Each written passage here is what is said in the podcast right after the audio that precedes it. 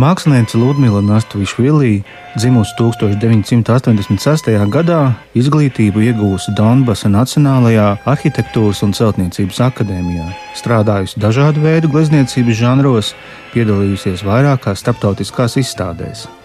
Šī gada 24. februārī viņa bija spiesta vienā nelielā mugursomā salikt nepieciešamākās mantas un pamest Kijivu kura tieši šajā dienā piedzīvoja pirmo bombardēšanu no Krievijas armijas spēkiem. Tā kā Ludmila, draugu vidū saukta par Ļusiju, nevarēja paņemt līdzi gleznošanas piedarumus, viņa paķēra tikai skiču albumu un zīmuļus. Pēc divām dienām viņa nokļuva Polijā un marta sākumā savas sajūtas un pārdzīvojumus sāka attēlot zīmējumos, veidojot kara dienas grāmatu, kāds ir arī izstādes nosaukums. Kā uzsver māksliniece, citēju: Karš parādīja, kas mēs patiesībā esam. Atkailināja mūsu dvēseles, nometot visu lieko. Atkailināti ķermeņi ir kā mūsu nedrošības simbols šajā pasaulē. Citāta beigas. Par pirmajām lietām, kurām ķērusies klāt karam sākoties, turpina pati Ludmila. Много пришла в себя.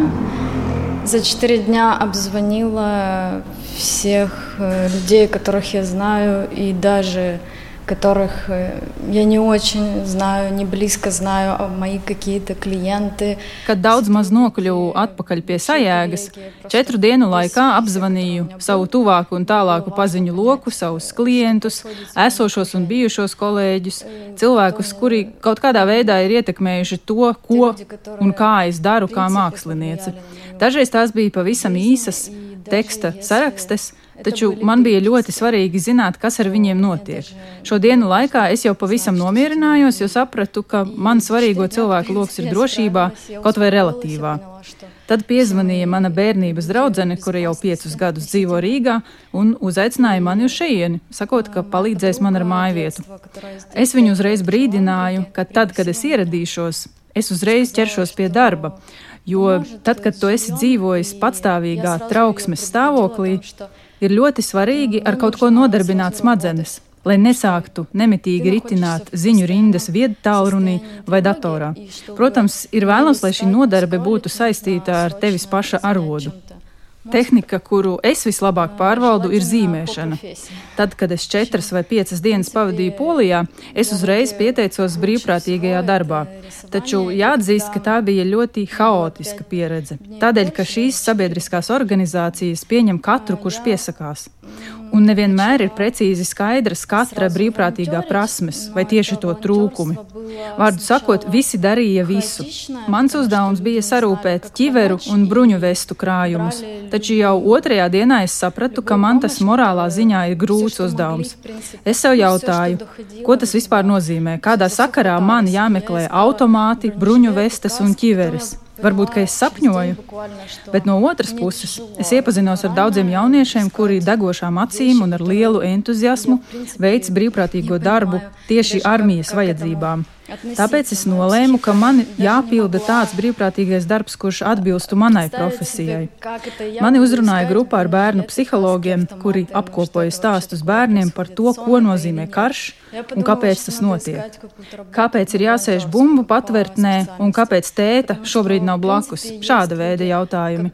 Viņi mani uzaicināja ilustrēt dažus no šiem stāstiem, jo bumbu patvērtnēs ir ļoti slikti ar elektroenerģijas padevi. Tā kā lasīt šādos apstākļos ir grūti, tad vismaz aplūkot bildītes ir vieglāk. Vēl mēnesi pēc tam veidoju šīs ilustrācijas, bet tad šajā projektā ievirzījās doma par audio grāmatas formātu, kur šos tekstus var lejuplādēt vietālrunī un pēc tam klausīties arī bez interneta pārklājuma. Tāpēc sapratu, ka pamazām nepieciešamība pēc maniem zīmējumiem samazinās un uzrunāju savu draudzeni, kura mani uzaicināja uz Rīgu. Teicu, ka labprāt pasniegtu zīmēšanas privātstundas bērniem, vai viņai nebūtu kāda pazīstama ģimene, kuru tas interesētu. Un tā kā viņa šeit dzīvo jau piecus gadus, kontaktu lokus bija pietiekams, un šādu ģimeni mēs atradām. Es jau, protams, sapratu, ka šī ģimene nemaz tik ļoti nerāvās pēc savu bērnu izglītošanas mākslā, bet ka vecāki to uzskatīja arī par savu veidu labdarības darbu. Nu, jau esmu iepazinusi veselu rindu ļoti atsaucīgu ģimeņu, un ir izveidojusies tāda kā labo cilvēku ķēde.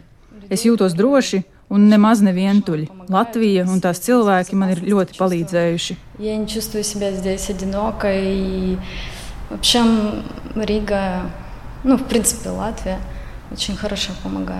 Ļus jau atzīstu, ka viņa zīmējumi ar krāsainajiem zīmuļiem līdz grīdai atritinātā skiču albumā man atgādina Pablo Picasso tā dēvēto zilo periodu cilvēku attēli un teksta rindas ar zilu un dzintarainu toņu savijumu rada vieglu nostalģisku un teju терапевтическую носкань. Фанат, мне очень нравится. Да. Его период, что не сказать о последующих его экспериментах. Он... Jā, es esmu Picasso fanāte. Man ļoti patīk šis viņa periods, ko nevarētu teikt par vēlīnajiem mākslinieku eksperimentiem. Ne tikai skatītāji, bet arī pats Picasso vēlāk sevi uzskatīja par ģeniālu, bet mani vairāk uzrunā zilais periods un zilā krāsa vispār. Tā vienmēr ir klātesoša manos darbos, kaut gan ikdienā es to neizmantoju, nedz interjerā vērā, nedz apģērbā. Taču manos darbos tā ir klātesoša vienmēr.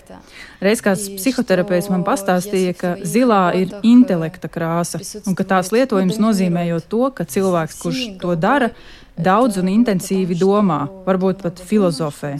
Manā gadījumā šī krāsa ir manu pārdzīvojumu sublimācija, jo pārdzīvojums ir kā pamats katram manam darbam, kuram tiek veidots kaut kāds izrisinājums un arī tēmas noslēgums. Taču šīs izstādes gadījumā tēma nebūtu nav slēgta.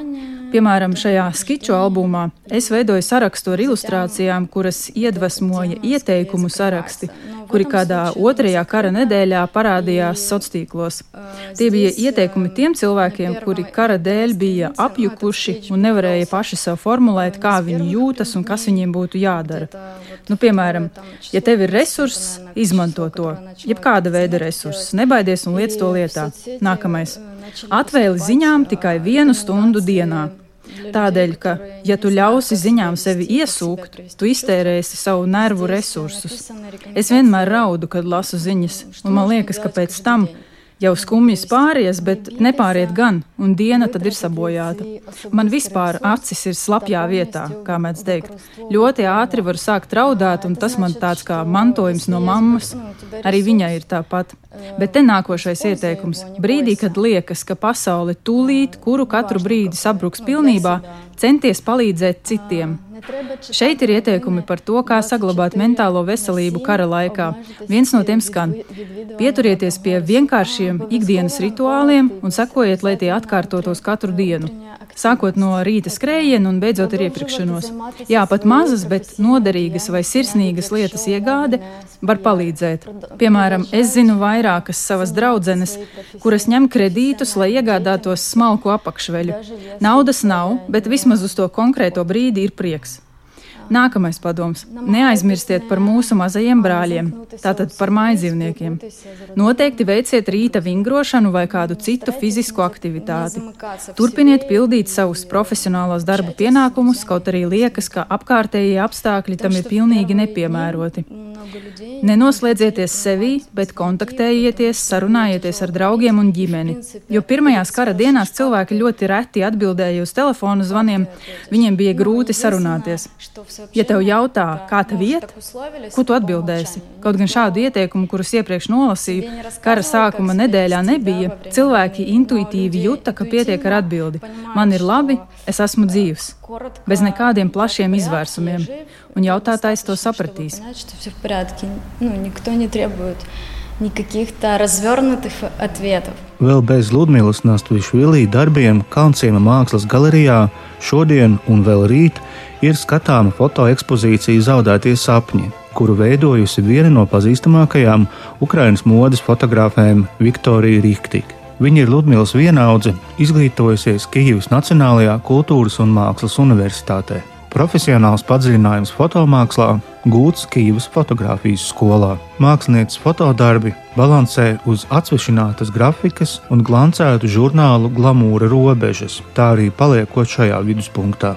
Noslēgumā citāts no Viktorijas sacītā par savu izstādi Zaudētie sapņi. Tā ir par ikvienu Ukraini.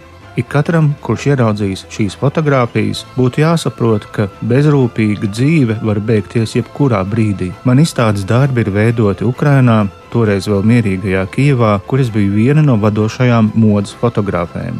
Šeit emigrācijā Es esmu cilvēks, kura sapņus iznīcināja karš un kuram viss jāsāk no sākuma. Šobrīd man ir viens sapnis - Ukrainas uzvara, un man nav šaubu, ka kopā mēs uzvarēsim.